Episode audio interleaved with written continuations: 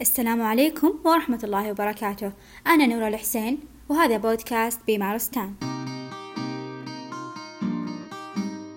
دراستنا اليوم راح تتكلم عن مقارنة بين جهاز الأشعة المقطعية والرنين المغناطيسي والتصوير النووي في انتشار سرطان العظام بسبب سرطان الثدي. الدراسة تمت بين 2016 و 2019 وتم نشرها قبل أربع أيام. المشاركين بالدراسة كان عددهم 42 كانوا يشخصونهم على مدى 120 أسبوع عشان يتأكدون من كيفية تطور المرض.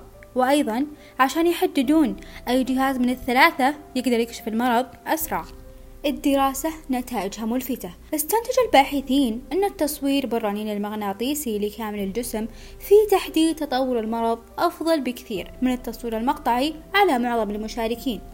أما بالنسبة للتصوير بالطب النووي ملاحظة تطور المرض كانت محصورة فقط على نصف المشاركين. ففي الختام نقدر نقول أن التصوير بالرنين المغناطيسي لكامل الجسم يساهم في اكتشاف وتحديد المرض أسرع وأفضل مقارنة ببقية الأجهزة. فريق بيمارستان يشكركم على استماعكم ويتمنى لكم أسبوعا مليئا بالمعرفة.